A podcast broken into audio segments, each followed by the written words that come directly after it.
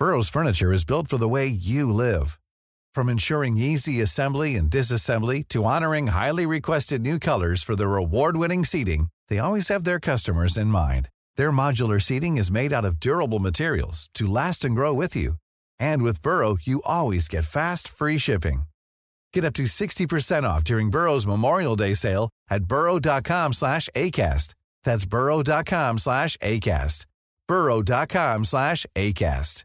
Ready to pop the question? The jewelers at BlueNile.com have got sparkle down to a science with beautiful lab-grown diamonds worthy of your most brilliant moments. Their lab-grown diamonds are independently graded and guaranteed identical to natural diamonds, and they're ready to ship to your door. Go to BlueNile.com and use promo code LISTEN to get $50 off your purchase of $500 or more. That's code LISTEN at BlueNile.com for $50 off. BlueNile.com code LISTEN. Planning for your next trip? Elevate your travel style with Quince. Quince has all the jet setting essentials you'll want for your next getaway, like European linen, premium luggage options, buttery soft Italian leather bags, and so much more. And is all priced at 50 to 80% less than similar brands. Plus, Quince only works with factories that use safe and ethical manufacturing practices. Pack your bags with high-quality essentials you'll be wearing for vacations to come with Quince. Go to quince.com/pack for free shipping and 365-day returns.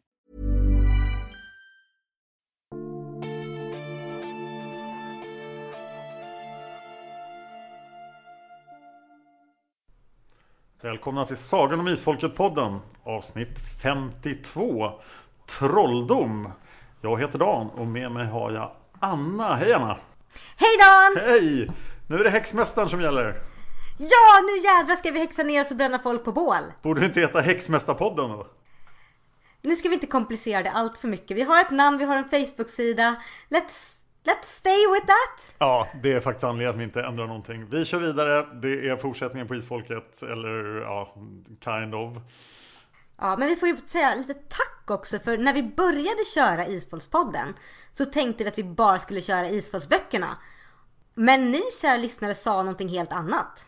Ja, ni sa att vi, ni vill höra Häxmästaren också. Och sen backar ni upp det på våran Patreon på patreon.com slash isfolket. Heter den va? Ja, det gör den.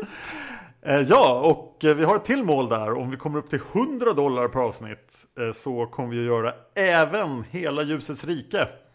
Får ni träffa så här fantastiska karaktärer som allra vitast.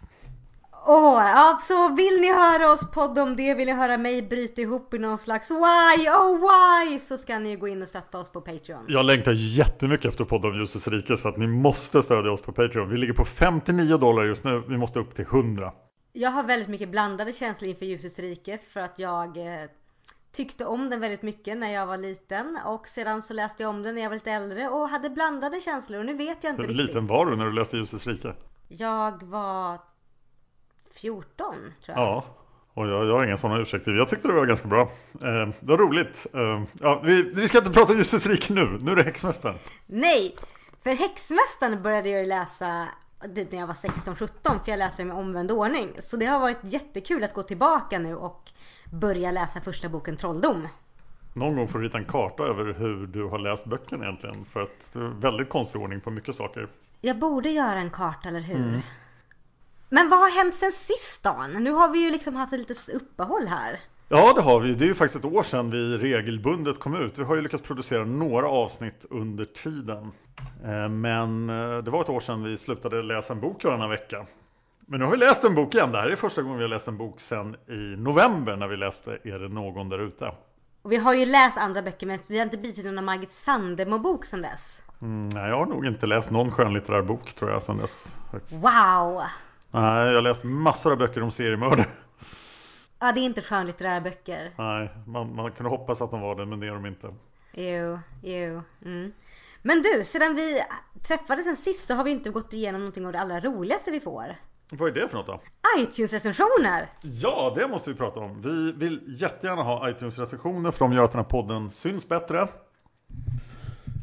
Och vi har fått fyra stycken sen vi senast läste de här. Och Det kommer ju bli ganska uppenbart hur länge sedan det var vi senast läste.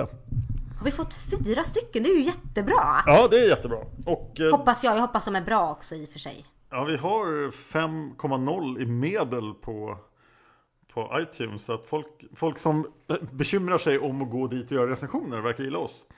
Till exempel Sol Angelica som ger oss fem stjärnor med rubriken Isfolket en bra podd. Och Sol Angelica säger Underbart att få höra hur ni diskuterar om varje bok. Jag har hunnit till vargtimmen men avgrunden älskar jag. Stort hjärta. Ja.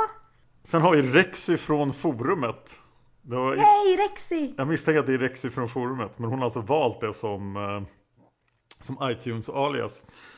Eh, hon ger oss fem stjärnor. Säger bra jobbat. Och det är alltså hon som driver vårt forum så att det måste ju vara, vi vara glada över att hon gillar det vi gör. Heja Rexy! Rexy säger Har nyss startat del 6 om Onda Arvet och måste säga att jag är riktigt nöjd så långt. Roligt att lyssna på reflektionerna om böckerna. Inemellan har, ni lika, har vi lika reflektioner och andra gånger tänker jag kanske annorlunda än vad ni gör. Bra grejer lika fullt, kör hårt. När kommer ni göra Häxmästaren och Ljusets rike? Och det har vi svarat på. Häxmästaren gör vi nu! Och Ljusets rike gör vi sen om vi når 100 dollar på Patreon. Nästa iTunes-recension är så lång att jag måste klicka på den. Så, från Pagana. Hon säger rubrik underbart. Tre utropstecken. Fem stjärnor.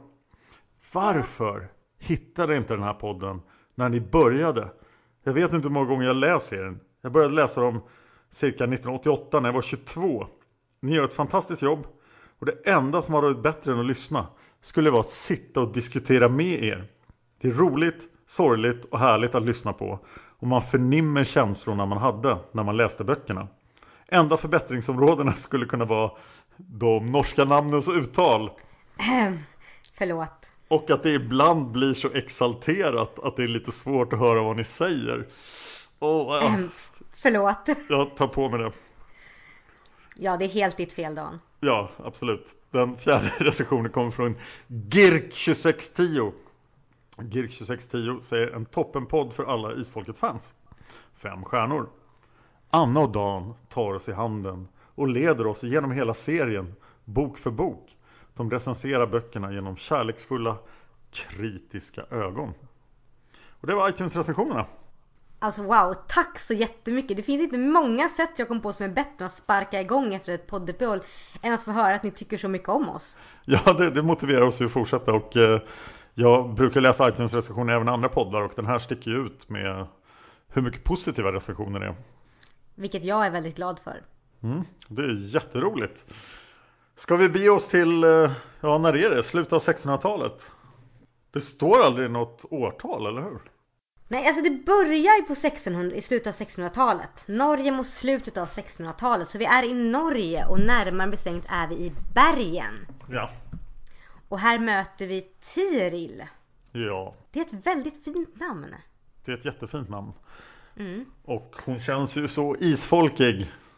Hon känns jätteisfolkig på ett sätt men samtidigt också inte. För att det hade varit lätt att tänka att ja men här möter vi en ny Silje. Ja, Men jag tycker hon är väldigt skild från hur Silje är. För Tiril är... Tiril är annorlunda. För det första får vi följa henne från att hon är liten. Vi får liksom ta del av hennes otroliga livsglädje hon har. Då hon kramar på hundar och liksom säger hej till främmande människor. Sånt som vi tycker är helt normalt idag. Men som på den tiden var verkligen så här. Åh herregud, skandal! ja, Och vi får ju sedan följa henne fram till att hon är Alltså till att hon blir som Tills hon växer upp Och det gör att jag på ett sätt Jag vet inte, jag får en bild av hela Tiril på ett annat sätt än vad man fick av Silje För Siljes resa följde man i vuxen ålder Tirils resa börjar mycket tidigare mm, det gör den. Jag tycker väl att Silje fick man eh, se göra saker. Och här är det mycket mer betraktande. Troll, Ja. Trollbunden börjar ju med full fart och svält och pest och elände. Nej men det har du rätt I den här boken slår Margit an en mycket mer berättande ton Än mer än en upplevelseton För Isfolk som sagt då var det ju full, fullt ös medvetslös Och vi, det var ju bål och allt hans moster. Och här berättar hon väldigt mycket. Det här händer huvudkaraktären, det händer alla runt omkring henne. Och det märks särskilt när vi liksom går igenom Tirils barndom. Margit berättar väldigt bra hur Tiril har det, hur hon bemöts. Om hennes familj. Vi får tydliga bilder av hennes gracila, vackra mamma som bara är, som känns väldigt stereotyp överklassdam. Ja. Och hennes eh, tjocka pappa som känns väldigt stereotyp överklass på den tiden. Ja. Och hennes syster Carla som är liten och gracil och porslinsdotter som känns väldigt stereotyp överklassdotter på den tiden. Ja. Betyder det här att det här börjar lite som bakom fasaden ungefär? Jag tänkte på det också! Bakom fasaden som alltså är bok 18 i Isfolkserien. Ja, istället för att göra de här mästerliga dragen hon gör i Trollbunden så blir det väldigt mycket berättande, väldigt mycket så här, ja det här måste ni veta och, och allra, allra mest när vi kommer till Island och de gamla galdramästarna och gråskinna och rödskinna och ja, Mm, jag ska återkomma till det sedan. Men min känsla när jag läste igenom boken nu var att det känns som Margit känner sig fram. hur menar du då? Ja, eh, det känns som att hon har en berättelse hon vill berätta. Hon har personerna, hon har storyn. Det är inget, det är inget liksom tvekan om vart det här är på väg. Margit har en mycket tydlig röd tråd. Men hon har inte riktigt hittat hur hon ska berätta det här. Nej, det kan vara sant. Och en sak hon gör här, hon har ju gett sig på någonting nytt med den här serien. För den här är ju inte Isfolket. Nej. Och vi har 15 böcker som utspelar sig på mycket kortare tidsperiod än vad några 15 böcker i Isfolket gör. Så att hon måste ta det lugnare än vad hon gör i Isfolket. Tengil och Silje är borta i bok 4. Men Tiril och Mauri, de ja, ska vara med ett tag. Mauri, jag tror det är Mori. Jag tror att det är Mauri. Jag tror det är Mori. Oj, det här borde vi ha pratat om innan. Det borde vi ha pratat om för jag kommer vägra ändra mig.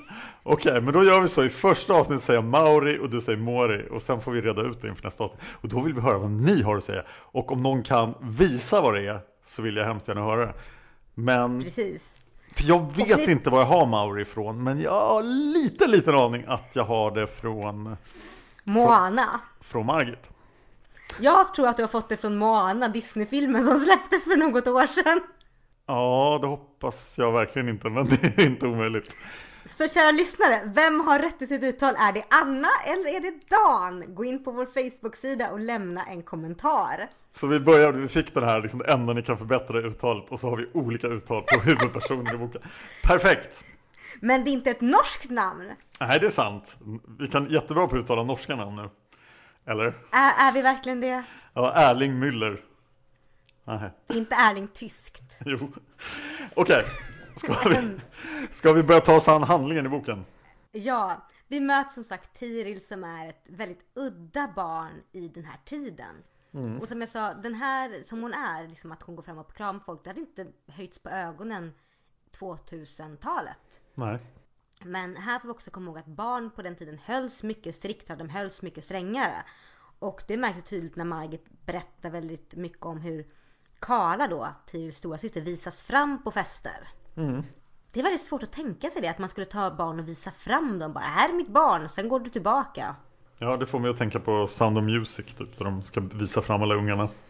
Ja, men det har du rätt i. Det, är lite, det är lite konstigt. Men så här, vi märker ju väldigt tydligt att det är något som inte står rätt till i det här hushållet. Ja, det får vi reda på rätt fort.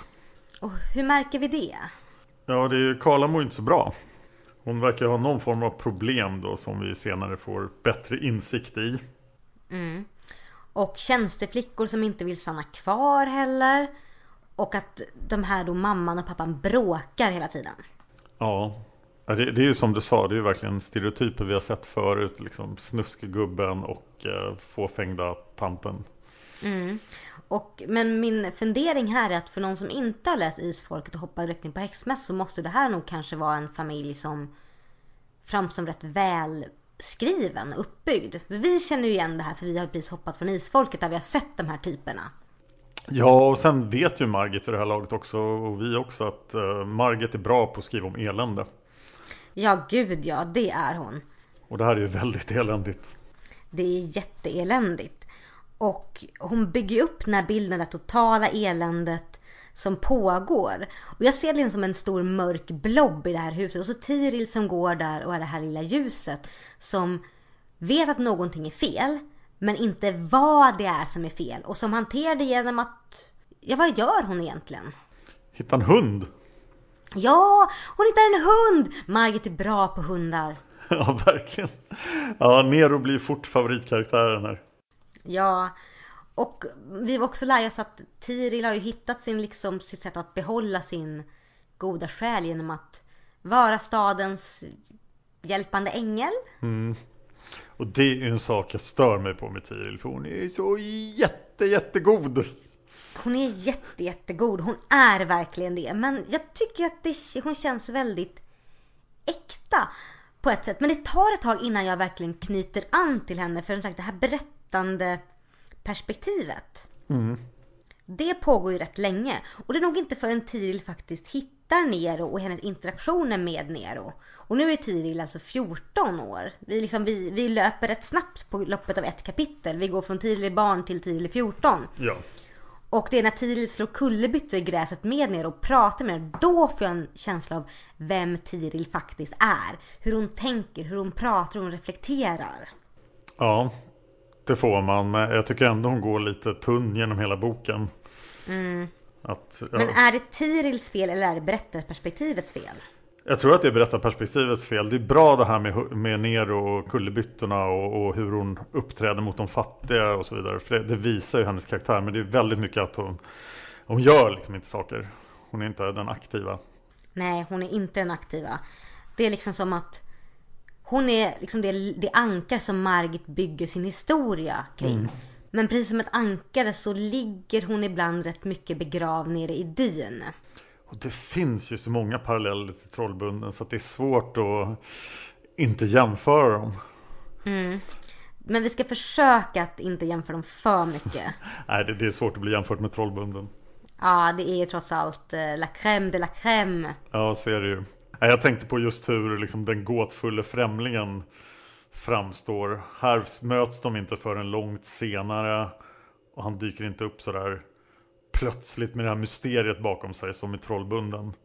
Utan här är bara, här sitter någon, någon som är skum. Ja, och vi vet vem man är, men hon vet inte det. Så vi, får, vi har liksom skilts från Tiril där också. Mm. Och vi är inte lika engagerade i henne då eftersom vi inte delar den här upplevelsen med henne. Nej, precis. Nej men jag håller med dig. Och det leder mig in på nästa del i boken som börjar in i kapitel 2. Och då hoppar vi från slutet av 1600-talet till 1656 och nu är vi på Island. Ja. Och här så börjar ju upptagningen till en lång bakgrundsberättelse. En jättelång bakgrundsberättelse. Mm. För att egentligen, om man tittar på, nu kommer jag dra paralleller till Trollbunden. Då fick man ju, ja men här är Silje, bam, där är Tengel och sen fick man hans bakgrundshistoria upprullad lite allt eftersom. Ja. Men här väljer Margaret ett nytt grepp. Hon börjar med bakgrundshistorien innan vi får träffa den andra huvudpersonen i boken som är Mori. Mm. Och hon börjar 50 år innan med hans morfars far och morfar. Ja. Och här här är ju den stora skillnaden för här är häxmässan unikt skild från isfolket genom att här tar Margit jättetydligt avstamp i historiska dokument. Ja. Mm. För Jon, Jonsönerna har ju funnits på riktigt. Hon säger det att eh, jo, Sira Jon som hon berättar om som är den här prästen, då alltså Jon Magnusson och Jon och Jonsönerna som är häxmästarna, de är historiska personer. Hon säger det efter isländska rättsprotokoll. Mm. Och jag är lite ledsen att det märks så tydligt i när Margit skriver och när hon lutar sig väldigt mycket på isländska rättsprotokoll. Ja. För ibland så grips man verkligen mycket in i den här historien. Jag, jag, jag, känner med den här prästen eh, Sira Jon som får den här som vaknar upp och har någonting hemskt nere vid fötterna och allting är bara åh nej, åh nej, åh nej. Och sen så så, så blir jag jätteinne i det och känner åh gud vad bra och sen så plötsligt så halkar jag ur det för att det blir ett slags språk som jag märker att Margit försöker skriva. Men hon skriver nästan rakt av vad jag tror står i rättegångsprotokollen. Vilket gör att jag blir så här, ja just det, det här är ju inte en riktig, eller det här är ju inte isfolk utan det här är liksom en bakgrundsberättelse. Ja, jag läser ju rätt mycket från rättsprotokoll och sådär och jag kände också igen det. Och i Palmemordet och i seriemördarpodden. Och, men här tycker jag man känner igen när Margit har läst något intressant och vill berätta det. Precis som de här gravvalven i Spanien och uh, Sri Lanka-sakerna ja. i Isfolket. Det, det är precis det fenomenet, eller hur? Ja, exakt precis. Och det här blir lite pausmusik. För vi vet ju här, till skillnad från gravvalven i, eh, där i, i isfolksböckerna och Sri Lanka-grejerna som mest känns som utfyllnadspausmusik så vet jag ju här att Margit har ju en poäng med att hon berättar detta. Det ska ju leda fram till att vi får träffa häxmästaren. Alltså för vi vet ju tydligt att Tiril inte är häxmästaren utan häxmästaren är på väg in i boken. Ja. Och det gör att jag stör mig ännu mera. För att det här är en upptakt som är liksom så bra. Som hade kunnat bli jätte, jättebra. Men så haltar det till. Och så slungas jag ut så får jag börja om igen. Det är lite här det är lite grann som att jag är Frodo på väg till Mount Doom. Okay. Och jag ska traska mig upp för det här jävla berget och sen halka på en sten och så ramla ner och få börja om. Och jag vill inte börja om, jag vill upp till berget, jag vill slänga i den här ringen. Jag, jag vill träffa Mori. Jag vill träffa häxmästaren och när det blir för platt skrivet så ramlar jag ur historien. Och sen också där hoppa fram och tillbaka mellan handlingarna. Eh, för när du just nämnde Frodo, då tänker jag på att det kanske hade varit bättre att göra som i Två tornen. Att första halvan hade varit Tiril. Fram till att hon träffar häxmästaren. Mm. Och sen hade vi fått den här bakgrundshistorien, eller tvärtom. Ja, och jag funderar här på om Margit faktiskt försöker sig på en helt nytt grepp för att det inte ska vara för likt Trollbunden. Att hon försöker bädda in bakgrundshistorien tidigt för att vi ska liksom få en relation till båda personerna. Och jag säger så här, när Mori väl dyker upp, när vi väl har gått igenom liksom hans morfars far och morfars historia och eh, går in på liksom nu ska de rida, nu är det liksom 1699, Mori 13. De, han och hans mor och hans häxmästarkompis ska hämtas till Tingvellir och de rider där vid Island. Då är jag liksom, då är jag så här, ja nu är vi framme. Fast ja. jag får inget riktigt grepp om Mår förutom att Mår är jävligt läskig. Hade inte det här varit en bra början? Jo, det här hade varit en bättre början. Jag hade velat skulle börja Island Annedomen 1699. Ja. Det hade, det hade fått vara kapitel två. Månen, jag menar lyssna på det här liksom. Månen hängde kall över Vatnajökuls isiga höjder. De kom ridande norrifrån den kyliga efternatten. Fem män, en kvinna och en 13-årig pojke. Det är bra stuff! Här Margit, här levererar du så det skriker om det. Ja, där borde du ha börjat. Mm. Men jag är trött efter att ha läst två kapitel om hans morfars far och far. Jag har gått upp från det här jävla berget. Så att jag kan inte riktigt uppskatta det när jag kommer till kapitel 5 och känner att nu börjar det för jag är så trött. Jag förstår vad du menar. Jag stör mig också på, på Gissur och eh, vad heter hon? Han, mamman. Helga. Helga. För de verkar så extremt fatalistiska. De bara, nej vi ska dit, så här, vi kommer säkert att dö, men det är bra, vi tänker inte rymma. Det känns som de kan gallra sig fria när som helst, men eh, nej. Nej, och för liksom, det störde mig lite grann på också. Eh, för som sagt, vi lär oss här att Mori är lite läskig, han kan väldigt mycket. Mm. Men Gissur kan ju också mycket. Han har ju gallrat ner en jäkne under en sten. Den historien var intressant att få. Ja, och den var väl inbäddad också. Jätteväl inbäddad. Här, där funkade det verkligen när Margit tog isländsk folktro och bäddade in det för att det blev verkligen hans berättelse. Det var skrivet med Margits språk, det funkade jättebra. Mm. Men ja, det känns som att de hade kunnat gallra sig fria när som helst. Det känns som de var så här, ho, ja, nu ska vi mot bålet, det här är kul. Jag bara, eller så kan ni leva. Det är en sak jag saknar i den här boken faktiskt, när du säger det. Jag förstår inte vad de isländska trollkarlarna, häxorna, häxmästarna, vad de kan göra egentligen. För att de, de verkar både så mäktiga eh, och så icke-mäktiga. Alltså de, de, den här prästen försöker de terrorisera hur länge som helst men det slutar med att båda två blir avrättade. Så det gick ju inte så bra. Mm. Och sen också det här med att för, för du pratar om Jonssönerna nu, ja. eller hur? Ja. Och där är det också liksom intressant för de erkänner ju bara nej, det var vi som gjorde det. Och verkar stolta över det. Sen går de till bålet och jag bara, men alltså på riktigt! Mm. Kan inte bara gallra förvända synen på de här sysslomännen så de bara, nej men det var nog ingen som för, förhäxade er här. Jag förstår inte hur sysslomännen och prästerna har som framgång mot häxmästarna. Nej, och Margit försöker ju snudda över det här och då blir hon väldigt mycket berättarrösten och kommer in och berättar det här med att till skillnad mot hur det såg ut i övriga Norden så var ju en stor del av de som dömdes på Island var ju män. Som dömde för konster. Men också det att hon la ju en poäng med att ja, till skillnad mot också i Sverige där ungefär alla var oskyldiga så var det inte, nog inte riktigt så på Island. Nej, och sen i slutet av boken kommer då själva gallrarna lite grann. Men de förstår man inte heller hur de fungerar. Nej, för det, det som jag försöker förstå mig på är så här, precis som du säger, de verkar jättemäktiga. Men också jättefragile. Och där är det en sån kontrast mot isfolk som vi sett liksom att ja men isfolket kan göra saker. Jättemycket. Men här verkar det också vara så här att jag jag kan inte riktigt bena upp det. Är det för att de har en medfödd gåva? För då är det som isfolket. Men de måste kanalisera dem genom gallrar och trollformler. Ja, det sägs väl till och med att det är så. Ja, men då är de ju väldigt mycket som Ulvhedin. Ja, Ja, och Mar. De har eh, ärftlig mana men de måste ja, kanalisera den genom kunskap. Ja, och jag är lite inne på att de kanske inte är liksom så veka utan de bara är så här, de är bara övermodiga.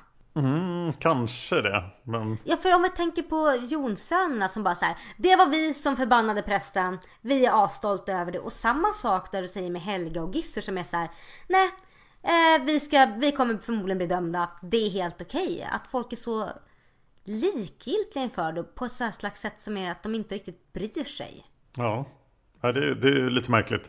Jag funderar också på hur den där Arons sköld fungerar. Som, Vilken galde var det nu då? det var ju den som häxmästaren sätter då på Tirils eh, hus. Och- För där säger de tydligt att, de säger tydligt med gallerna att det hjälper inte om de ristas av vem som helst. Man måste ha den medfödda förmågan för att de ska funka. Och om då Georg och hans kompis kommer där och tänker ta sig in i huset, vad händer då? Hittar de inte huset? Snubblar de och slår sig? Slår de i en magisk vägg? Eller? Jag vet inte, om det är så att de slår, en mag- slår i en magisk vägg, kommer de kunna bränna ner huset då? Ja, jag, jag vill veta sånt här. Men det kanske är mycket begärt i bok ett i och för sig. Ja, men det är mycket frågor som väcks i boken. Framförallt med gallrandet och isländska häxmässan. Och jag vill säga, Margit försöker ju ändå att berätta allting. Men det blir väldigt tungrott. Särskilt när vi är på Island och när vi kommer till kapitel 5 och vi får träffa Mori. Och sen blir det bra. Och vi går några kapitel och allting är bra. Och sen så hoppar vi från Mori som lyckas fly. För att han gallrar till oss för han är sjukt läskig. Och sen är vi tillbaka i bergen. Ja. Och så är vi tillbaka till Tiril och nu är det liksom bara så här, för, för då har jag precis hunnit gräva ner mig i okej så här fungerar häxmästarkonsten, så här fungerar gallrandet tror jag. Och sen är jag tillbaka i Norge och tillbaka in i Tirils familjedrama. Ja. För å ena sidan, nu får du säga om du, om du inte håller med mig. Men vi har ju på Island har vi det stora häxmästar, häxbrännar, plotten med magi och skit. Ja, och de, dessutom har vi ju fått en väldigt tydlig fantasy quest här. Eller hur? Han ska läsa alla tre böckerna och nu har han läst två. Så då är det liksom rödskinna. Då tror man att hela serien ska handla om rödskinna. Och sen kom vi tillbaka till såpoperan i Norge. Ja. Och problemet när Margit hoppar så här är att såpoperan i Norge känns lite grann som... Alltså jag är engagerad i den på ett annat sätt. Men den känns lite platt när jag kommer tillbaka efter Island. Ja, och sen tror jag kanske... Har inte den här boken åldrats lite grann också? Så det här med... Känns som lite slentrian Jättehemsk incesthistoria. Kanske man inte skulle skriva så här. Är det en incesthistoria verkligen? Nej, det är ju inte det. Men, Nej. Ja. Den är ju ganska smutsig liksom. Ja, men det här, den är ju skriven på ett sätt som, som jag ska få sympati för Tiril. Ja, det det är man. hemskt, det är jobbigt men hon är ljuset i mörkret. Hon är, som du säger, genomgod, jättesnäll. Mm. Så när det väl uppdagas att shit, hennes pappa, som inte är hennes pappa, har våldfört sig på hennes syster, som inte är hennes syster, som inte heller är hans barn, utan det är bara hennes mammas barn. Hennes mamma är inte heller hennes mamma. Nej. Och ingen i den familjen är egentligen bra. För hennes syster har tagit livet av sig på grund av detta. Och det är därför liksom allting blir jättejobbigt för Tiril. För nu tycker hennes fosterfar att han ska se på henne istället. Ja, Och det blir väldigt mycket. Och här är jag igen nyfiken på att om man inte har läst Isfolket, är den här berättelsen då ny och banbrytande? För, att för dig och mig så känns den ju väldigt använd. ja det gör det. Jag menar hur många böcker såg vi det här i Isfolket? Tre? Två? Fyra? Ja, nå- någonstans där. Det slutar ju i och för sig, det, det är ju bara en lång, det känns som en prolog nästan, hennes historia. För att den slutar ju med de här enorma frågetecknen. Och alla är döda. Och vem är egentligen hennes mamma och pappa? Precis. Eh, och min, min tanke när jag liksom plöjer igenom såpoperadramat i Norge. Det är att det finns delar som är väldigt välskrivna. Vi har liksom det här men det här mystiska spåret Margit planterar. Bara, vem är den mystiska mannen som kommer och kräver hennes fosterfar på pengar och hå? Och att liksom Tiril tidigt har snappat upp att så här, spunnit in sig illusionen om att ja, men jag är nog inte deras riktiga barn för jag ser så annorlunda ut, vilket senare visar sig stämma. Vilket gör att det inte blir så mycket Det blir inte så mycket en chock för vi som läsare har ju listat ut detta redan rätt tidigt. Och att Tiril själv börjar tänka de banorna gör att det inte blir så här gäsp och snark. Det här visste vi så långt i förväg. Men jag kan inte riktigt låta bli att känna liksom att det kommer ju inte riktigt igång ordentligt förrän Tiril stöter på Mori i smedjan. Ja, då börjar hända saker lite grann i alla fall. För då får hon ett... Då får han en funktion utanför Island. Utanför att liksom springa och gallra och hitta saker och sådär. Och han var ju tvungen att lämna. Vi visste att han skulle lämna Island någon gång. Vi visste att han skulle träffa Tiril. Men det är rätt snyggt. Men sen så, nu kommer jag vara elak och nu kära lyssnare får ni förlåta mig för att krossa lite illusioner. Okej, krossa illusionerna. Ja, men jag ska se om du, om du snappar upp den här. Du vet när Tiril är i smedjan, hon står där, pratar med smedjan om det där halsbandet som Nero ska få på sig. Och sen så ser jag att det är någon som sitter längst in i hörnet. Tyst. Vart har vi sett det någonstans? Eh, isfolket? Aragorn. Ja, Sagan om ringen. Ja! Ja. Och jag, jag tänkte på den läste om, jag bara, men det här är ju Aragorn fast det, vi har ju inte, vi har ju ett världs, vi har ju en smedja istället för ett värdshus. Men grejen är att det funkar väldigt bra. Jag- Jag tycker det är lite märkligt att han springer runt och ser ut som en schablon på någon emo-gothare låter det som. Han är jättemörk och svart och en del av skuggorna. Det känns som att han sticker ut ganska mycket om han ska försöka vara dold i Norge. Ja, men jag får såna delade signaler av honom. För å ena sidan har jag precis den bilden du har. Ja. Och sen så är det så här, nej men det som är, liksom, han är klädd i brunt. Jag bara, ja det är väl klart att de flesta var klädda i, så här, är man fattig har man inte råd med mycket färg på kläderna. Nej, det är sant. Så att jag blir så här, är han så mystisk som jag tror att han är? Eller är han bara det att han är fattig och har gammalmodiga kläder och har lite mörkare hår. Fast han har ju typ mörkbrunt hår och svarta ögon. Liksom, är det hans aura? Eller ser han verkligen så konstig ut? Man kan, ska man inte titta på framsidan för då ser han verkligen konstig ut. Jag tittar inte på framsidan för jag tycker inte det ser ut alls liksom honom. Jag brukar hålla för det med liksom tum, tummen. För Tiril ser rätt lik ut som jag tänker henne. Ja, samma här. Och Nero men annars inte. Han är väldigt jordbrun på framsidan. Ja, och han känns ju liksom... Han beskrivs som jättesnygg. Men jätteläskig samtidigt. Så jag bara, men... Hur, hur, hur är det? Och det är igen den här som Mark är duktig på att skriva de här manliga karaktärerna som verkligen är successiva, lite sexiga, lite attraktiva men ändå lite farliga. Ja. Och hon lyckas ju här att göra Moore till någonting vi inte... Alltså han är inte ful. Nej. Han är bara lite mystisk. Han är verkligen mystisk och jag, jag tror han skulle nog ha blivit mer mystisk om vi inte hade fått så mycket berättat för oss. Nej men det är det jag tycker om när vi är på Island när han är 13 år. Att vi får reda på, för där är ju Gisser och Helga som pratar. Mori pratar väldigt lite men vi får reda på vad han kan.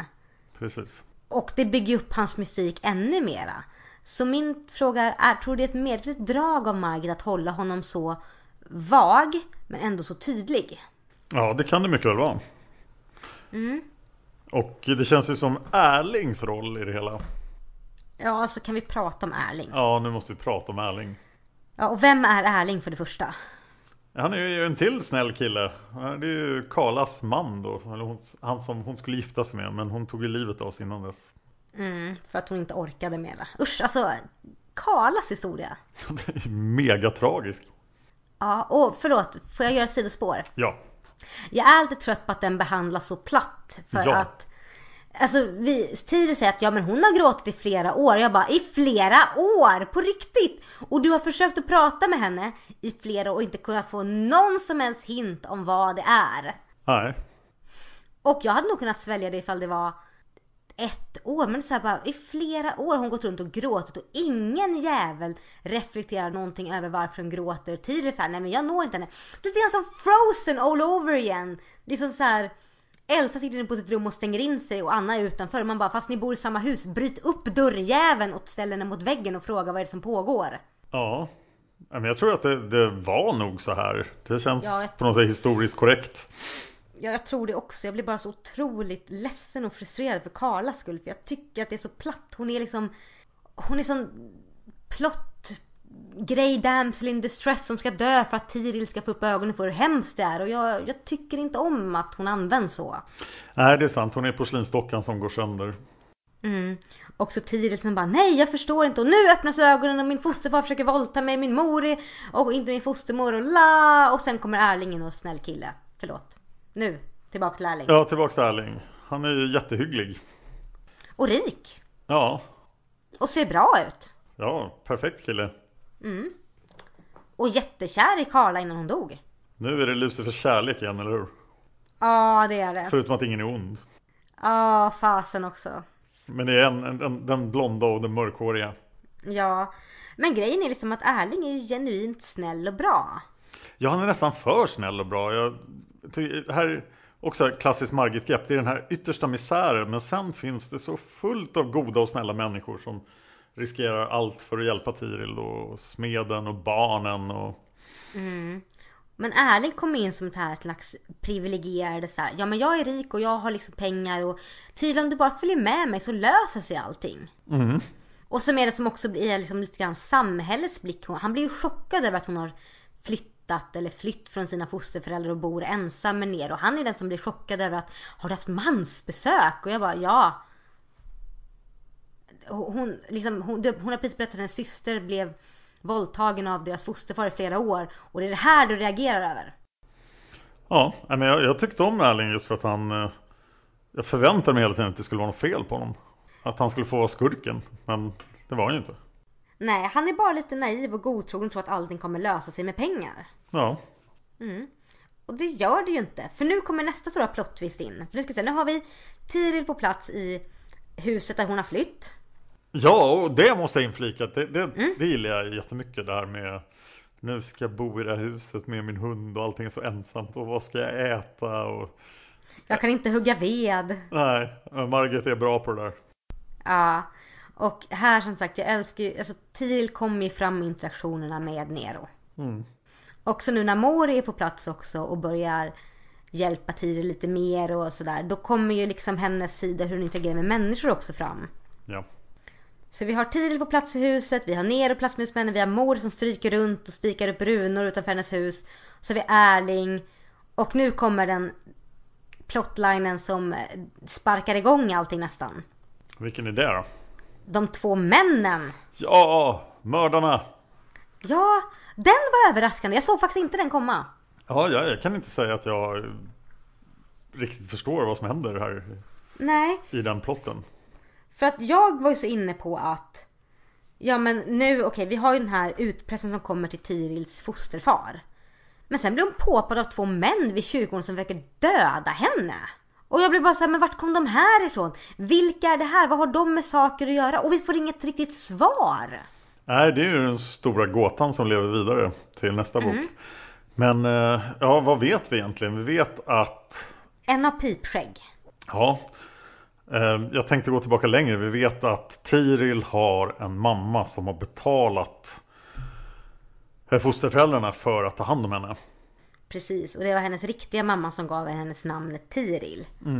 Och de här pengarna verkar ha kommit regelbundet men någon annan känner till det.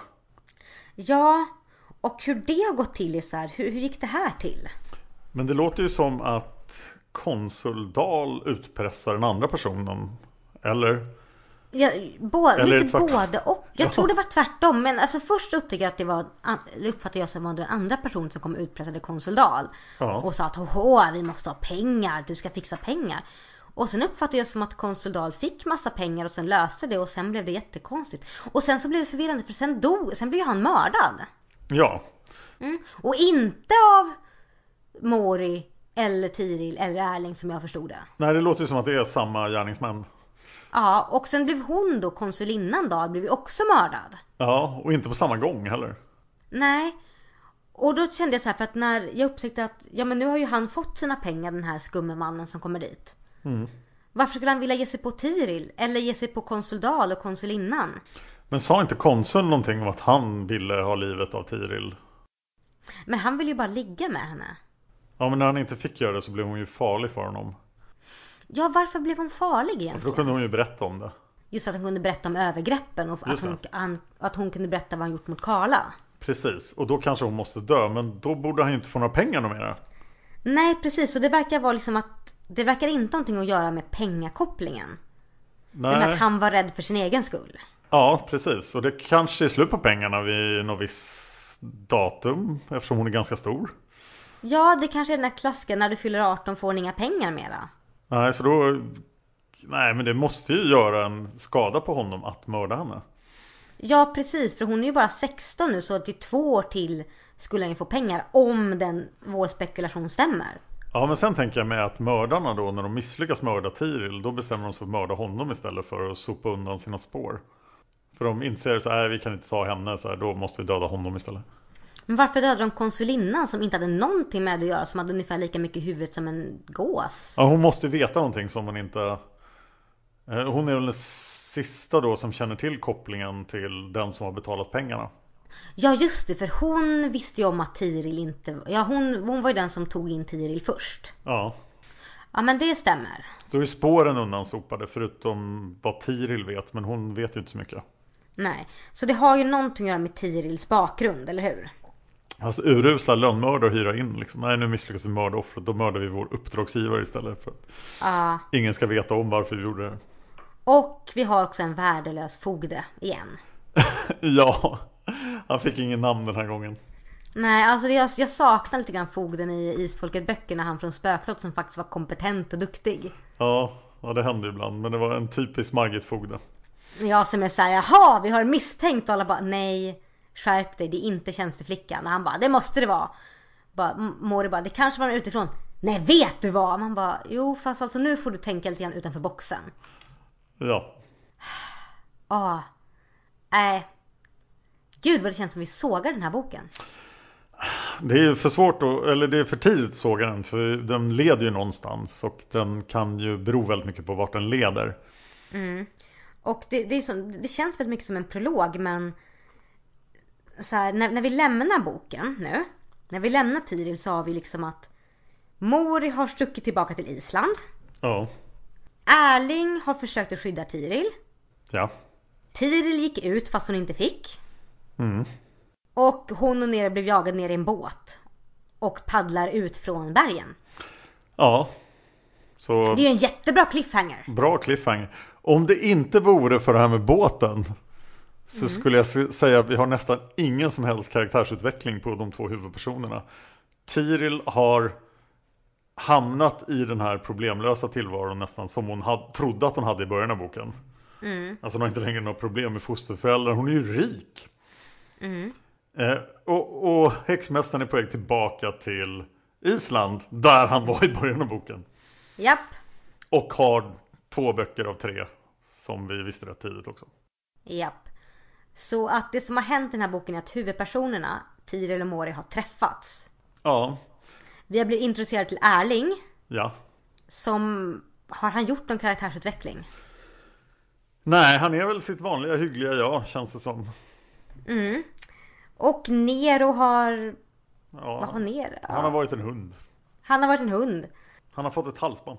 Ja, alltså jag, jag relaterar ju mer till smeden och hans familj nu.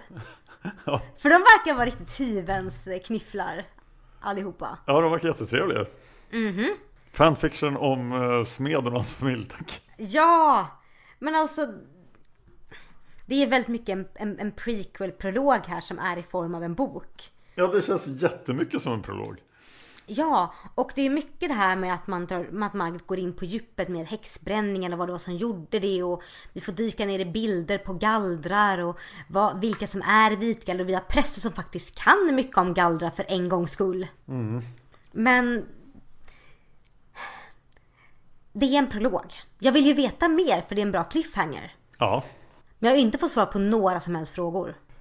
Nej, och vi har inte presenterats för någon isfolkets dal eller träffat på någon mystisk häxa nere vid eh, vattnet som plötsligt hjälper till vid den traumatiska födseln i slutet av boken.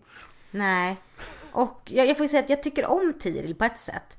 Men samtidigt som att hon, hon flyter så mycket ovanpå problemen ibland. Ja, Och det kan ju vara en förträngningsmekanik och jag tror mycket väl att det är det. Men i och med att vi inte får ta del av vad Tiril själv tänker och tycker. Så vet jag inte det. Nej, hon känns väldigt mycket som ett verktyg för den typiska läsaren som ska identifiera sig med henne. Oh, oh, jag kom på en till sak Dan. Ja, Eh, I den här boken byter Margit berättarperspektiv jätteofta. varför det? Jag vet inte. Det tänkte jag faktiskt inte på. Nej men vi har liksom, först har vi perspektiv If you thought the only way to get a more defined jawline with natural looking results was through surgery, think again. Juvederm Volux XC is a non surgical injectable gel filler that improves moderate to severe loss of jawline definition and can help you achieve natural looking results with little downtime. Even better, this improved definition lasts up to one year with optimal treatment. No maintenance required. Improve jawline definition for a smooth, sculpted look with Juvederm Volux XC. For important safety information and to find a licensed specialist, visit juvederm.com. That's J U V E D E R M.com. Not for people with severe allergic reactions, allergies to lidocaine, or the proteins used in Juvederm. Common side effects include injection site redness, swelling, pain, tenderness, firmness, lumps, bumps, bruising, discoloration, or itching. There's a risk of unintentional injection into a blood vessel, which can cause vision abnormalities, blindness, stroke, temporary scabs, or scarring. Talk to a licensed specialist to find out if it's right for you. Ready to pop the question? The jewelers at BlueNile.com have got sparkle down to a science with beautiful lab grown diamonds worthy of your most brilliant moments. Their lab grown diamonds are independently graded and guaranteed identical to natural diamonds, and they're ready to ship to your door. Go to BlueNile.com and use promo code LISTEN to get $50 off your purchase of $500 or more. That's code LISTEN at BlueNile.com for $50 off. BlueNile.com code LISTEN. Millions of people have lost weight with personalized plans from Noom, like Evan, who can't stand salads and still lost 50 pounds. Salads, generally, for most people, are the easy button, right? For me, that wasn't an option. I never really was a salad guy. That's just not who I am. But Noom worked for me. Get your personalized plan today at Noom.com. Real Noom user compensated to provide their story. In four weeks, the typical Noom user can expect to lose one to two pounds per week. Individual results may vary. perspektivet som är, först har vi berättarperspektivet i Norge. Som är dels berättarperspektiv, författaren sitter och skriver ovanifrån och Tirils. Sen har vi konsul Dals som kommer in och reflekterar där. Ja, just det. Och sen i Island har vi Helge, vi har Gissur, vi har eh, Sira Jon, vi har eh, Moris eh, mästare. Vi har lite grann med Moris, sen har vi Erlings perspektiv, sen har vi Moris perspektiv och sen har vi Tirils perspektiv. Ja, så vi får se det från en massa olika personer. Det som sticker ut är ju det här berättarperspektivet. Så jag tror att det hade blivit bättre om man hade behållit det i någon, någon persons perspektiv. Mm. Och jag är tillbaka igen att det känns som Margit känner sig fram här. första boken är en liten trial and error. För hon försöker sig på en ny typ av historia där hon väver in mycket, en ny typ av berättelse. Där hon väver in mycket historia. Hon försöker sig på med, hon försöker sig på en ny typ av liksom skrivande fast med liknande huvudpersoner haft innan. Och jag känner att hon är lite osäker. Ja, kanske. Det, skulle varit, det borde vi ha frågat henne när vi träffade henne. För vad hände Ja. under de här tre åren som gick? Du menar när hon tog paus? Nej, jag tror inte hon hade någon paus. Utan jag tror väl att hon skrev, men skrev mera enskilda, enskilda böcker. Och sen skulle hon ge sig på en ny serie igen efter tre år. Ha, Och hur gick diskussionerna då skulle vara intressant att veta. Precis. Vad hade hon för målsättning när hon började skriva den här serien? För att det känns ju som att hon aktivt försöker skilja sig från isfolket. Men vi känner ju igen personerna. Men det som skiljer är berättarstilen som inte är riktigt hundraprocentigt bra. Ja, och sen också takten. Att hon, hon tänker ta det långsammare i Häxmästaren. Och det är helt okej men det gör så att det blir väldigt mycket hoptryckt. Till exempel Tirils så här, och nu är hon 14, nu är hon 16. Jag bara, vad, vad hände mellan de åren? Så att Karla fortfarande och grät. Ja, det är vad Karla gör. Varför heter boken ens Trolldom? Ehm, för att vi får lära oss mycket om gallrar. Ja, Så. det känns Men- inte solklart att den ska heta det. Nej. Frågan är om det hade varit bättre att fokusera som säger hela boken på Tiril. Gå in mer på djupet på henne och liknande vad som händer och hennes mysterium och kanske låtit liksom typ låtit mor introduceras lite grann senare. Jag vet inte riktigt. Ja, en, koncentrera sig på en av dem i början tror jag skulle vara en bra grej. Mm, och hoppa över Moris morfars far och morfars berättelser. Ja, de kan ju komma fram senare. Men sista frågan, blir du, blir du sugen på att läsa vidare? Ja, det måste jag säga att jag blir.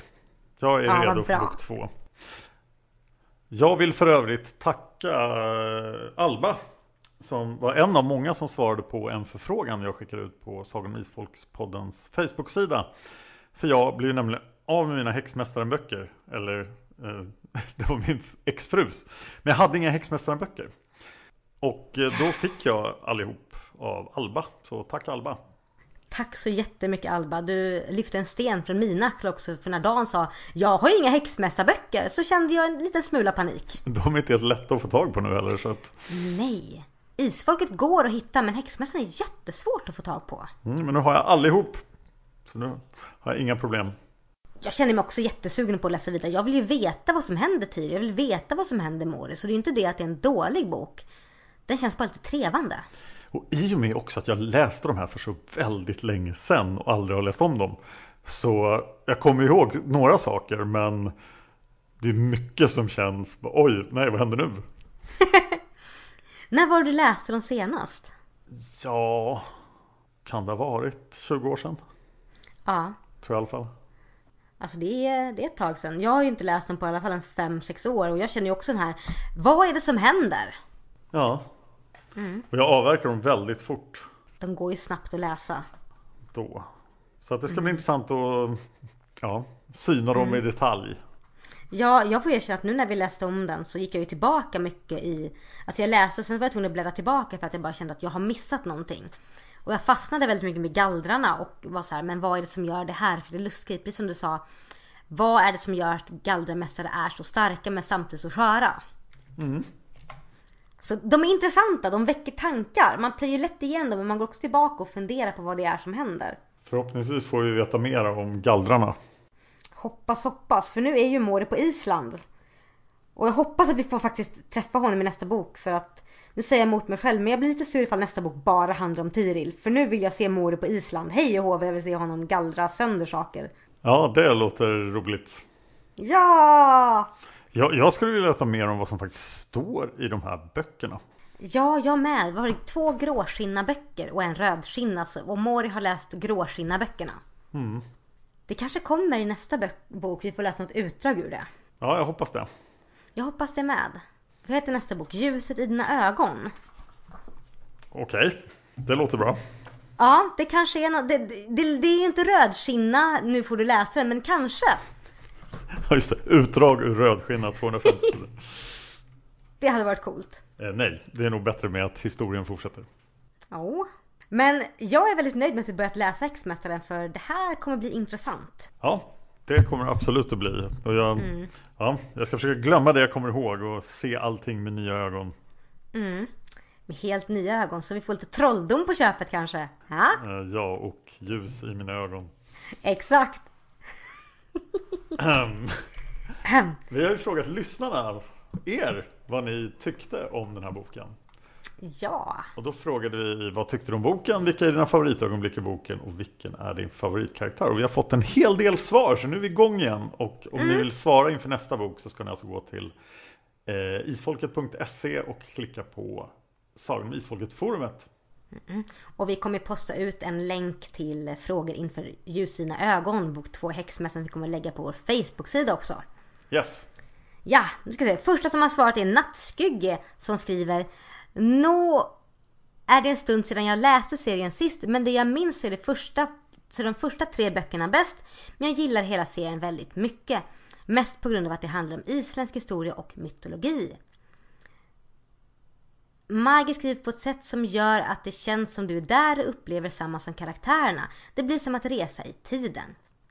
Mina favoritögonblick är när Mori rider över Spräng... Spräng i Sandur.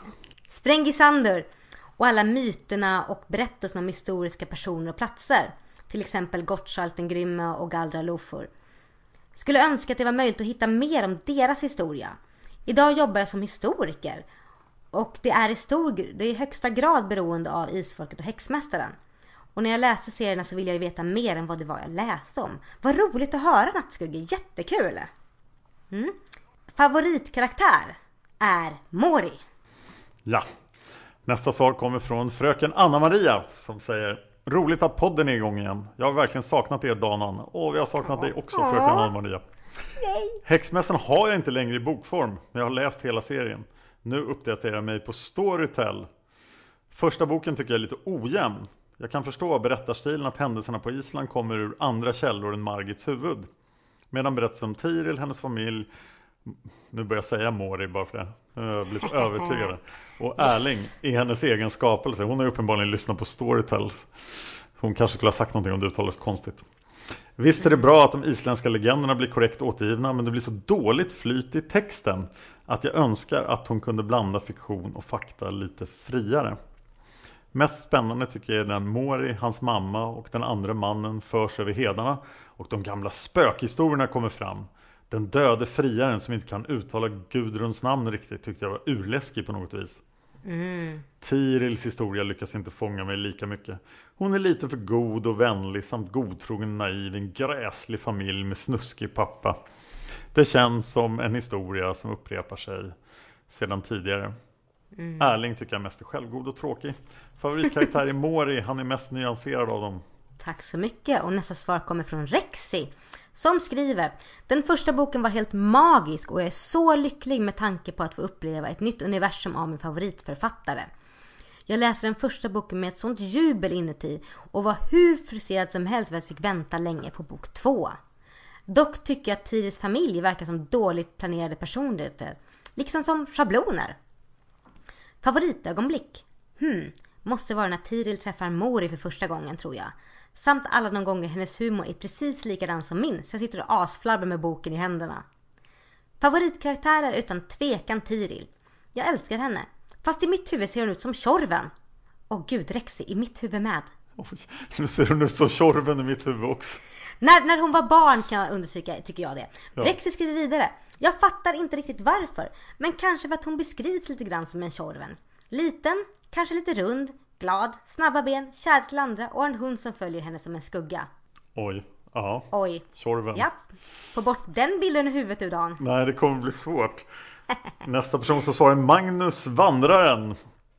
Som säger, jag lyssnar nu igenom böckerna på Storytel för andra gången. Nu i takt med podden. Vad kul att så många gör det. Lite lättare att förstå när man lyssnar andra gången tycker jag. Mitt första intryck är att den inte håller samma nivå som Sagan om Isfolket-böckerna. Boken är rätt bra och slutet gör att man vill fortsätta på nästa direkt. Favoritkaraktär är Tiril. Favoritögonblicken när Tiril försvarar, försvarar sig mot sin styvpappa när han försöker förgripa sig på henne. Och hon ger honom en blodig näsa innan hon rymmer. Det är svårt att uppfatta åldern på dem. Mori är äldst och klokast står det, men hur mycket äldre än de andra är han? Jag tycker att styvpappan kom lindrigt undan. Han borde hängas ut och hamna i fängelse för det han har gjort. Har lite svårt att hänga med i berättelsen om Moris uppväxt. Vilka var det han beordrade att binda rep av sandkorn? Ja, det var någonting på Island som hände där. Ja, det var så här random spöken som man stötte på vis.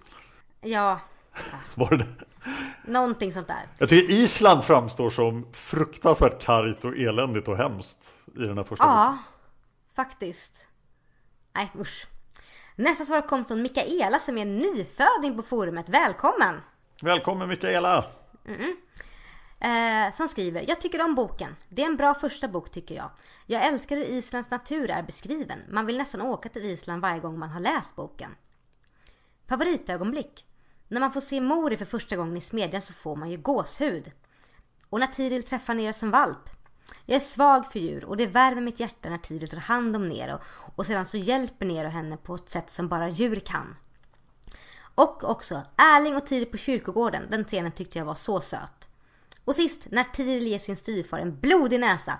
Heja Tiril! Favoritpersoner? Jag är ett stort fan av Nero, men Tiril, Mori och Äring är underbara karaktärer. Älskar också smeden och hans familj. Den känns som något som man själv skulle göra i deras situation. Och sist skriver Mikaela, ni gör ett jättebra jobb med podden och mer häxmästarteater om ni har några planer på att göra det. Ja! Häxmästarteater måste jag göra. Det får vi planera in till nästa bok, eller nästnästa. Tipsa Bra. oss om passager i kommande böcker som gör sig bra som teater mellan två personer. Ja, precis. Så gör vi det. Det lät som en bra idé. Nästa eh, inlägg här kommer från Potat.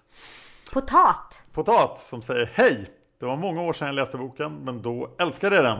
Snabbläste nu idag för att kunna svara på frågorna. Insåg tyvärr att jag inte tyckte om den riktigt lika mycket idag. Historien på Island känns inte riktigt som den passar in. Och delen från Norge känns tunn på något vis. Det är dock en mysig bok ändå. Fast kanske mest för att jag vet vad som kommer i kommande böcker. Favoritkaraktär är helt klart Mori. Och det bästa med boken är de scener där han är med. Kul att ni ska börja podda igen. Jag hittade podden i våras och lyssnade klart på några veckor. Väldigt kul att åter få nörda ner sig i serien på ett sätt som jag inte gjort sedan jag och min bästis läste böckerna samtidigt på högstadiet för cirka 15 år sedan. Ja, nu blir det dags att nörda ner sig i böckerna igen. Yay! Nästa svar kommer från Kantaren som är nyföding. Välkommen hit! Välkommen kantaren, eller kantaren kanske.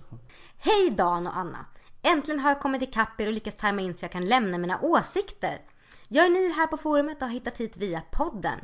Jag älskar Sagan om Isfolket och har läst och lyssnat på bokserien oräkneliga gånger. Och jag har haft Alrunes smycke kring halsen ända sedan jag fick det i 20% för sex år sedan. Min man hörde talas om den där den hörning som har hur många poddar som helst. Hans ord. På en podd som han lyssnar på. Kan eventuellt ha varit AMK morgon. Ja, och han berättade ivrigt för mig i mitten av mars att det finns en podd om Sagan om Isfolket. Nu, tre månader senare, har jag lyssnat igenom alla era avsnitt och måste börja med att berömma ert fantastiska jobb. Så roligt att få återuppleva böckerna genom er och alla andra som har varit med i avsnitten. Ja, då måste jag inflika där att AMK morgon är ett, en podd som görs varje morgon eh, i en lokal på Söder med massa komiker och där har jag varit med två gånger och främst för att alla standup-komiker är intresserade av Palmemordet på grund av en annan podd. Eh, Så jag pratade mycket Palmemordet men jag passade på att nämna alla mina poddar och det är jättekul att höra att det hade effekt att jag nämnde den här podden. Alltså det är jätteroligt. Vad ja, bra! jättekul. Kantaren fortsätter. Nu tänkte jag haka på er in i Häxmästaren och Ljusets rike. Och vet ni vad? Jag har aldrig läst om serierna förut. Wow. Kantaren säger, jag hoppas att jag hinner med att läsa ikapp mer och dela med mig av mina åsikter som förstagångsläsare. Om ni vill kan jag även försöka mig på att gissa lite vad som ska hända och så. Ja, ja, gör det! Jätteroligt. Absolut Kantaren, bara kör, bara gissa, det är jättekul. Vad roligt att du läser böckerna för första gången. Med oss. Och så säger Kantaren, lång inledning men nu kommer mina svar till trolldom. Och första frågan, vad tyckte du om boken? Jag är faktiskt inte speciellt imponerad av bokens inledning. Hade det varit en vanlig bok, alltså inte skriven av Margit och en del i de här serierna, så hade jag inte fastnat alls. Den känns väldigt rörig i början med alla de olika isländska platserna, namn och trollböcker. Boken blir mycket bättre när den börjar handla om Tiril och Karla och det var så spännande att försöka klura ut vad hemligheten var. Men jag fick mycket vibbar till isfolket, främst, när Gunil, främst till Gunilla, Anna-Marias pappa, tycker att han har rätt att ge sig på henne eftersom han inte är hennes riktiga pappa. Dessutom har vi namnet Erland i den historien och sen en Erling här. Oh, Oh, det hade inte jag tänkt på. inte jag heller, men det stämmer ju bra. Oj då. Kantaren säger vidare. När sen Mori kommer in i, bok, i bilden blir boken riktigt bra och jag ville inte sluta lyssna. Favoritögonblick? Hmm. Jag tycker om scenen när Mori berättar sin historia för Tiril. Så spännande att få veta mer om den mystiske Mori. Favoritkaraktär? Det är helt klart Mori. Jag är så nyfiken på honom och vad han ska uträtta under seriens gång. Sen är Ner en favorit, men hur kan det inte vara det när han är beskriven av Margit? Ser fram emot kommande böcker och att få höra er i podden igen. Och nästa inlägg kommer från Ursula Horn som är den Alba jag nämnde tidigare som ni kommer få höra mer av idag. Hon säger Hejsan Dan och Anna. Jag gillar den här boken i stort sett. Det känns som en spännande början på en ny serie och jag tycker om alla karaktärer. Well, tycker om är inte rätt ord för Tirils pappa men han är en fantastisk äcklig Margit-skurk på bästa sätt. Mycket av berättarspråket och den täta känslan är precis det jag älskar i Isfolket och saknade lite i slutet av den serien. Allt som händer på Island är däremot så tråkigt att jag har svårt att koncentrera mig på den. Jag kan bara inte få mig själv att bry mig. En bit jag verkligen gillade är i beskrivningen av Tiril alldeles i början. Hon har nyss flyttat till staden och barnen i skolan retar henne och systern för deras dialekt. Mamman skäms och ser till att ändra dialekten på en gång. Men Tiril tycker att det är kul att bli retad och överdriver ännu mer för att de andra barnen också ska få roligt. Det är en så härlig grej att göra och ger verkligen en bild av Tiril. Jag uppskattar också hur stenhårt Tiril lägger skulden precis där den hör hemma när hon konfronterar sin far. Det är otroligt tillfredsställande att läsa. Margit har en väldigt bra förståelse för sånt. Jag älskar Tiril. Ibland kan jag bli irriterad på Margits huvudpersoner och tycka att de är lite för söta på något sätt. Men Tiril går bara rakt in i mitt hjärta. Ja. Nästa svar kommer från Blodsen som skriver Nu var det ett tag sedan jag lyssnade och ännu längre sedan jag läste. Men som jag minns gillade jag boken och hade svårt att sluta läsa slash lyssna när jag väl börjat. Favoritögonblick, det är när Tiri lägger märke till Mori första gången inne på smedjan. Sen tycker jag det är himla mysigt att läsa om hur Tiril fixar och donar på sitt lilla torp. Ja. Favoritkaraktär, Nero, helt klart. Ja, torpet, det gillar jag också som sagt. Nästa svar kommer från Silje Arngrimsdatter som säger att boken börjar ganska bra och hon blir snabbt indragen i Tirils värld. Tiril är en karaktär som är lätt att sympatisera med. Hennes familj är lika grund som hon är djup. Schablonaktiga bikaraktärer, speciellt skurkar, är ett återvändande fenomen i Margits böcker. Jag skulle önska att de hade fått lite mer personlighet. Historien i själv ger några obehagliga associationer till Den sista riddaren.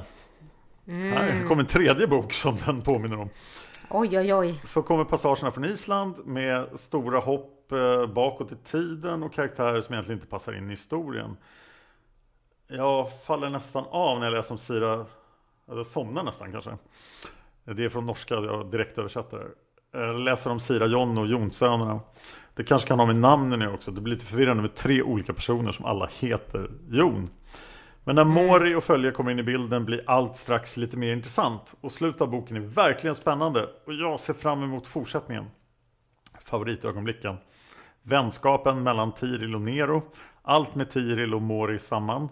Speciellt scenerna från Smedjan där han bara är en mystisk skugga i bakgrunden. Och när han övernattar i lilla huset i Laxevåg och berättar sin bakgrund för henne. Och också ritten över Sprengisandur. Favoritkaraktären då, det är ett svårt val mellan Tiril och Mori, men jag tror att det måste bli Mori. Han är så mystisk och fascinerande och intressant. Är han god? Är han ond? Eller kanske något mittemellan? Jag vet ju förstås svaret, för jag läste hela serien när den kom ut. Och jag har läst den igen.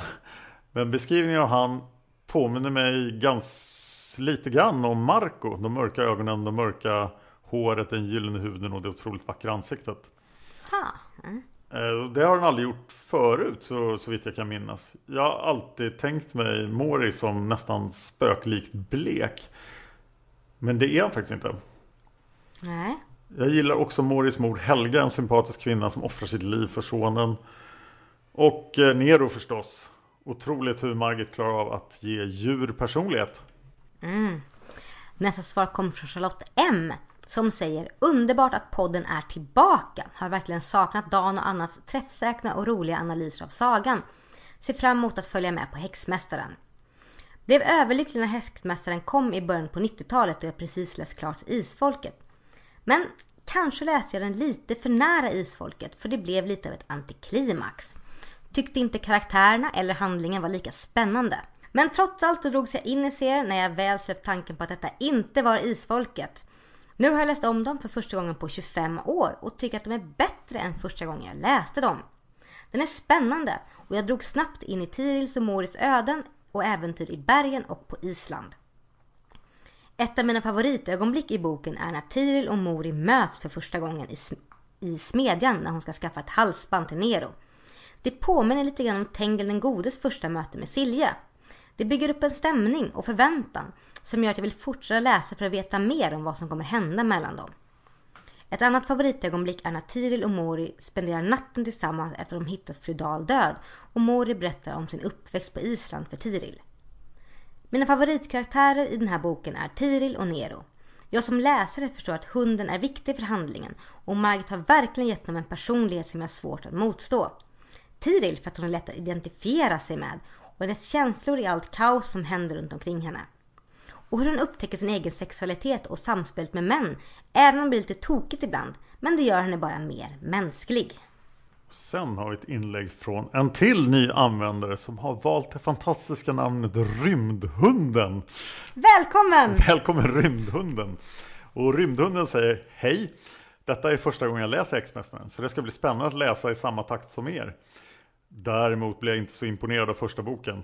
Det beror på den isländska berättelsen, prästerna, böckerna och så vidare. Dessa delar vill jag mest bara skumma förbi. Däremot gillar jag Tiril. Hon är en typisk Margit-karaktär och det är svårt att inte gilla henne. Min favoritkaraktär är dock Nero. Margit är verkligen underbar på att beskriva djur. En av mina favoritscener blir då, blir då Tiril och Nero precis flyttat in i stugan och han får sova i sängen, vilket gör att hon knappt får någon filt över sig. Det var även charmigt hur han bär in ved och försökte dra in kälken. Men jag gillar även Mori och Erling, det ska bli spännande att lära känna dem mer. Jag valde att kalla mig Rymdhunden eftersom ni fick mig att skratta så mycket när ni pratade om rymdhundarna i podden. Åh, vad fint! Ja, och där ser vi ju direkt här eh, att så fort Mori träffar ner så hade han kunnat be honom prata med rymdhundarna och fixat fram rödskinna. ja, men nu händer inte detta i Men den här det, boken. det vet ju inte Mori faktiskt, han är inte lika upplyst som Heike. ja. Rymdhundarna kommer förfölja oss i all evighet, eller hur? Ja, det kommer de att göra. Men vad kul att det var så många som hade svarat och vi kommer lägga ut en tråd inför nästa bok på vårt forum och även länka till den på vår Facebook-sida så in och ge era synpunkter om nästa bok så snart ni kan. Yes! Och som vi nämnde i början av den här podden så hade ju detta inte hänt att vi börjat podda om Häxmässan om inte ni sponsrat oss på Patreon. Och vi har en rad Patreons som stöttar oss på Patreon och de är nu ska vi se här. Vi vill säga ett stort tack till Hanna Naversjö, Martina Roll, Jenna Larsson Rydhammar, Maria Andersson, Birgitta Hedberg, Jess, Marita Vio, Magnus Rask, Glasögontönten, Quansi, Monica Nyhus, Solveig Gudnadottir, Eva Martinsson, Mystika Farej, Julia Mason, Ingrid Johansson, Blodshämnd, Petronella Thorén, Alba Rundström Ramirez, Karin Källström och Desiree Lindmark. Tack så jättemycket för att ni sponsrar oss på Patreon och ser till att den här podden fortsätter tuffa på. Tack så otroligt mycket. Det finns förstås också en omröstning på forumet. Men vi kommer göra en lite enklare omröstning för Häxmästarböckerna. Så det finns en tråd som heter Vilken är bästa boken i Häxmästaren? Och där får ni helt enkelt, när ni har läst alla böckerna, gå in och rösta på den bok ni tycker är bäst och så ska så vi gör ta det. bli klara. Ja, Ja, och vad, då ska vi börja runda av det här avsnittet. Och vad kan man hitta mer av dig Dan? Ja, det har hänt en del på det här året som vi inte har eh, levererat Isfolkspodden regelbundet. Så att jag ägnar mycket av min tid åt de två poddarna Seriemördarpodden och Palmemordet som har blivit väldigt stora. Seriemördarpodden finns numera på ilikeradio.se, alltså ligger hos MTG, samma företag som Eh, har TV3 och Rix FM och Bandit Radio och sådana saker. Eh, jag finns på eh, förutom på de poddarnas Facebook-sidor som jag kollar väldigt ofta finns jag på Twitter som Dan Horning och på Instagram försöker jag även ha en fungerande närvaro nu för tiden. Där heter Dan Hörning då. Var kan lyssnarna hitta mer av dig Anna? Ja, jag har en Facebook-sida som heter Setsuna Seras där man jättegärna får gå in och klicka like och följa mig. Där postar jag allting som jag tycker är intressant och roligt och där hamnar även alla inlägg från min blogg. För jag har ju en blogg också som heter setsunaseras.blogspot.se. Så den får ni gärna gå in och följa också. Sen finns jag på Twitter. Där heter jag... Ja, vad heter jag? Jag heter Anna Seras. Och där postar jag om allt möjligt från söta uttrar till saker jag tycker är intressant. Och jag finns även på Instagram som, och där hittar ni mig om ni söker på Anna Erlandsson. Härligt! Mm. Då är vi igång igen. Då är vi igång och det ska bli jätteroligt. Vi ska försöka komma ut en gång i månaden. Mm, vi inser att eh, en gång varannan vecka är nog ett för stort steg nu. Ja, så en gång i månaden och det ger dig gott om tid att läsa i kapp med Häxmässan och följa oss sida vid sida genom hela de här avsnitten. Och vi har ju en liten bonus, eller hur Dan? Ja, det har vi. Den kanske inte ska säga så mycket om, eller ska vi det? Eller ska vi bara dra igång den? Ja, vi kan ju vi kan säga någonting om den så att de ändå vet vad det är. Ja, vi har ju bett er att skriva fanfic och många av er har gjort det. Men eh, en av er gick lite längre och läste in sin fanfic. Mm. Och den kommer ni få lyssna på om en stund. Det kommer komma sex avsnitt av den som vi kommer sända allihop här i podden. Och eh, den är väldigt bra. Och som sagt, vi har fått in en del andra fanfics och de hittar ni på Isfolket-forumen om ni går in och sen scrollar längst ner på forumet under fanfics. Så gör det och eh, nu får ni ha en trevlig lyssning på en fantastiskt fin lyssnar-fanfic. Och tills vi ses igen får ni ha det så jättebra. Det får ni verkligen ha. Ha det bra! Hej. Ha det bra, hejdå! Hejdå! Hej Anna och Dan! Det är Alba här, Ursula Horn på forumet och vi kan eh, försöka att glömma att jag har det forumnamnet just nu för det blir lite weird med det jag ska prata om.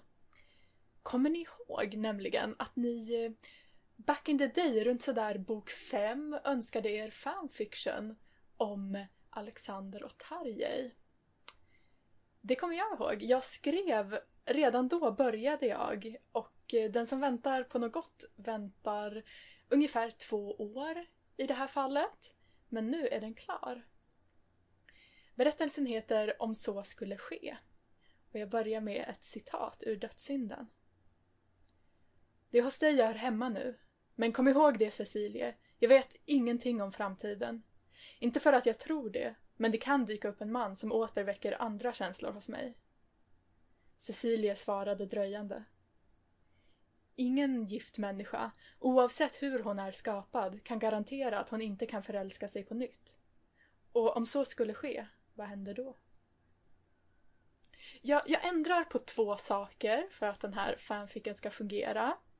Tarjei överlever, yay! Och eh, ännu viktigare, postgången mellan Norge och Danmark var inte ovanligt snabb denna gång. Det vill säga, Cecilie hinner inte få nyheterna om Mattias och resa till Gråstensholm medan Tarjei är på väg efter Kolgrym.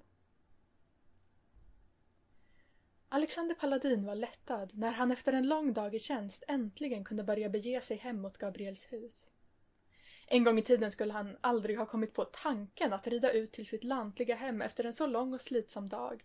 Inte när han hade ett hus i Köpenhamn eller till och med kunde övernatta på slottet med lätthet. Aldrig hade han väl kunnat tro att en hustru skulle förändra honom så mycket. Nå, nu hade han väl aldrig kunnat tro att han överhuvudtaget kunnat få en hustru, men Cecilia var hans och han var hennes och längtan efter henne sporrade honom att ge sig ut på den långa hemvägen, trots att han inte skulle vara hemma förrän efter midnatt även om han red nog så fort. Han såg sig om på vägen efter andra som red samma väg. I hamnen hade han sett ett norskt skepp lägga till, det första på ett bra tag efter att stormar drivit många skepp i hamn att vänta på bättre väder. Kanske skulle det betyda att en kurir tog sig ut mot Gabriels hus denna samma natt med nyheter från hans hustrus familj. Det skulle glädja Cecilie stort, det visste han, för nu var det länge sedan de fått brev. Nog kunde det gå lång tid mellan breven ibland, även om det släktkära isfolket alltid var ivriga brevskrivare. Men denna gång hade Cecilies längtan efter nyheter ett annat drag. En brådskande, pockande känsla av att något inte stod rätt till hemma. Sedan några veckor tillbaka hade hon vankat av och an i varje ledig stund, muttrat mörka ord som en dam inte ens borde känna till, om den eländiga postgången och önskat att hon bara kunde fara hem. Det hade hon nog också gjort om det inte varit för det förskräckliga vädret. Det var inte bara ute på havet det stormade. Även här, en bra bit från kusten nu, piskade vinden i rockskörten och tillfälliga regnbyar hade för länge sedan vett genom Alexanders rock. Fukten trängde sig närmare bara skinnet. Och när han nådde värdshuset som var halvvägsmärket på hans färd hemåt bestämde sig Alexander för att stanna till och få sig något värmande innan han fortsatte. Han räckte sina tyglar till en stallknäckt med instruktionen att han snabbt skulle vara tillbaka och hästen därför inte skulle sadlas av. Sedan styrde han stegen in i skänkstugan, lättad över att vara ute ur regnet åtminstone för en stund. Värden kände strax igen honom och utan att behöva anstränga sig för att leta efter lediga platser i trängseln hade Alexander strax förts till ett bord som stod lite bort från den värsta folksamlingen. Litet och rangligt, men utan störande bordskamrater.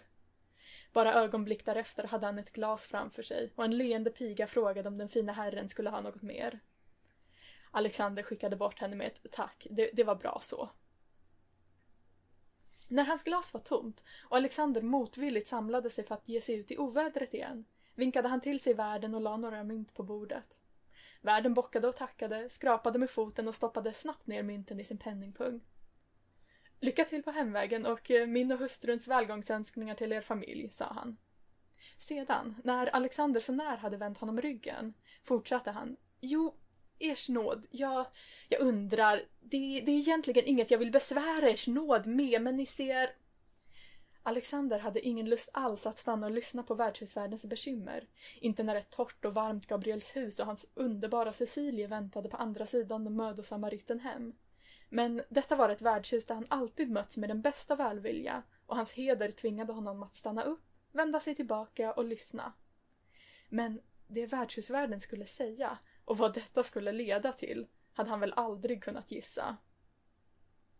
Alexander var beredd på en önskan om hjälp i någon fråga, antingen pengar eller ett ärende mannen ville ha, framfört, ville ha fört framför konungen. Men istället pekade värdshusvärden mot ett bord där det satt ovanligt få människor trots den allmänna trängseln. Anledningen till detta verkade vara mannen som satt ihopsjunken så djupt att hans lugg sopade bordsskivan. Stupfull, tänkte Alexander genast. Men det var något som inte stämde. En känsla, en aura runt mannen. Sjukdom och sorg stod att läsa i varenda linje i hans hållning.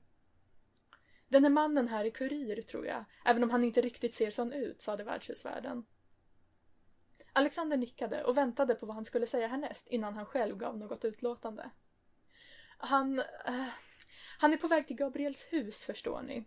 Och jag tänkte som så att har han något meddelande till ers nåd och ers nåds eller ers nåds hushåll så lär ni inte få det ikväll i det skick han är i nu. Så om ers nåd behagar Värdshusvärden slog ut med händerna i en gest som tydligt skulle säga att markgreve Paladin fick göra med detta som han ville. Om han ville avkräva kuriren ett eventuellt brev eller på något sätt ta mer ansvar för mannen. Alexander nickade kort. Gott, tack för upplysningen. Jag säger till om jag behöver någon hjälp. Han gick fram mot främlingen. Dennes mörka hår var lätt krusat vid tinningarna av den fuktiga luften. Han reagerade inte när Alexander harklade sig för att påkalla uppmärksamhet. Först när Alexander la en hand på hans axel ryckte han till och rätade mödosamt på sig. Alexander ryckte till lika häftigt som främlingen nyss när han fick se mannens ansikte. Det var tärt och märkt av en oändlig trötthet, ögonen feberblanka och huden blek som aska, men det var ändock så välbekant. Dragen, som en gång påminde honom så mycket om Cecilie, som fortfarande gjorde det. Den främmande kuriren var Tarjei Lind av isfolket. Men käre pojke, utbrast Alexander. Vad i hela friden gör du här? Tarjei såg på honom med ofokuserade ögon. Han verkade känna igen Alexander lite grann, men inte kunna placera honom. Alexander bestämde sig för att förklaringen gott kunde få vänta. Han ropade till sig en av pigorna och strax var en stallpojke på väg mot Gabriels hus för att lämna bud om vad som hänt och komma tillbaka med en vagn, för inte kunde Tarjei rida vidare i det här skicket. Under tiden lades Terje på en bänk och hans blöta rock byttes mot en varm filt. Lite brännvin lyckades Alex Alexander också få i honom för att jaga kölden på flykten. Nå, detta skulle bli en överraskning för Cecilie, som så länge väntat på bud hemifrån. Världen krängde fram och tillbaka, ständigt detta gungande. Hur länge hade skeppet varit på väg? Han hade trott att han var framme i Köpenhamn, att han till och med landstigit och börjat färdas vidare på land. Men det hade alltså bara varit en dröm. Stormen hörde han fortfarande och vågorna som gick genom hela kroppen gjorde att han inte ens behövde öppna ögonen för att veta att han låg i sin koj på den eländiga skutan. När hade han sist ätit? Han visste att han behövde vakna, skaka av sig sömnen och få sig något i magen. Det var bara så alltför mödosamt. Men hans mun smakade fortfarande av något. Brännvin? Jo, nu mindes han den varma känslan i halsen. Någon måste ha bjudit honom en sup. Kanske kunde den ha givit honom styrka nog för att ta sig upp. Tarjei försökte sätta sig upp, men den ansträngningen var honom för mycket. Han lyckades bara röra svagt på huvudet. Men dimman höll ändå på att klarna en aning. Och det var något som inte stämde. Vad var det som fick honom att undra var han egentligen befann sig? Visst gungade det som på havet, eller gjorde det verkligen det? Var inte detta en ryckigare, skumpigare färd? Och hade han inte landstigit ändå? Och lukten omkring honom, det var inte längre kära, havsdoft, salt och förruttnelsen under däck som trängde igenom hans töckniga medvetande. Detta var en helt annan lukt. Värme, läder, vägdamm och blött ylle. Med en, kraftansträng... med en kraftansträngning öppnade Tarjei ögonen. Jag... Jag måste till Gabriels hus, fick han fram. Någon skrattade, lågt och varmt. Det var ju bra, för det är just dit vi är på väg. Vi är snart framme. Nu lyckades Tarjei fokusera ögonen så pass att han kände igen mannen som satt på vagnsätet mitt emot. Alexander! Det stämmer, låg Alexander. Och Cecilie väntar oss med ett rum i ordningställt åt dig. Du var oväntad, men så otroligt välkommen ska du vara. Jag ser att du har haft en svår resa. Den måste du berätta om, men inte förrän du har vilat ut ordentligt. Min... Min häst! Jag hade... Och min packning! Jag får inte mista... De ska du inte oroa dig för. Hästen har det så gott på värdshuset och ska tillbaka till sitt hyrstall i Köpenhamn imorgon. Och alla dina tillhörigheter står ju här på vagnsgolvet. Allt är ordnat med. Han böjde sig fram och kramade om Tarjeis axel. Känslan av brådska, att han måste vidare, började smälta bort inför Alexanders varma lugn. Inte långt därefter knastrade det under vagnshjulen när de körde in på Gabriels hus gårdsplan. Alexander stödde Tarjei ut ur vagnen och uppför trappan. Cecilie, som startat fram för att ge sin kusin en innerlig kram, hejdade sig när hon såg hans tillstånd. Käre värld, Tarjei, vad sjutton har hänt dig? Alexander, vad... Det kanske vi kan ta senare, föreslog Alexander med ett litet leende. Tillsammans fick de Tarjei till ett gästrum, där en brasa dånade i den öppna spisen och ner under filtarna. Men då sov Tarjei redan djupt och denna gång var det inte en utmattningens halvt medvetslösa sömn utan en djup och läkande vila.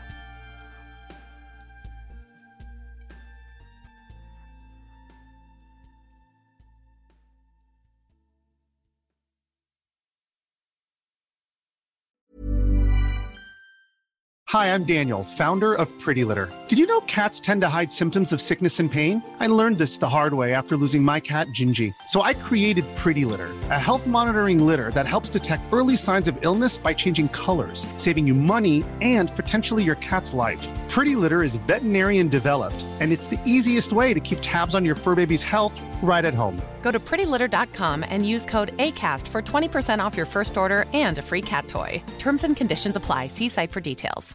Even when we're on a budget, we still deserve nice things. Quince is a place to scoop up stunning high end goods for 50 to 80% less than similar brands. They have buttery soft cashmere sweaters starting at $50, luxurious Italian leather bags, and so much more. Plus, Quince only works with factories that use safe, ethical, and responsible manufacturing. Get the high-end goods you'll love without the high price tag with Quince. Go to quince.com/style for free shipping and 365-day returns.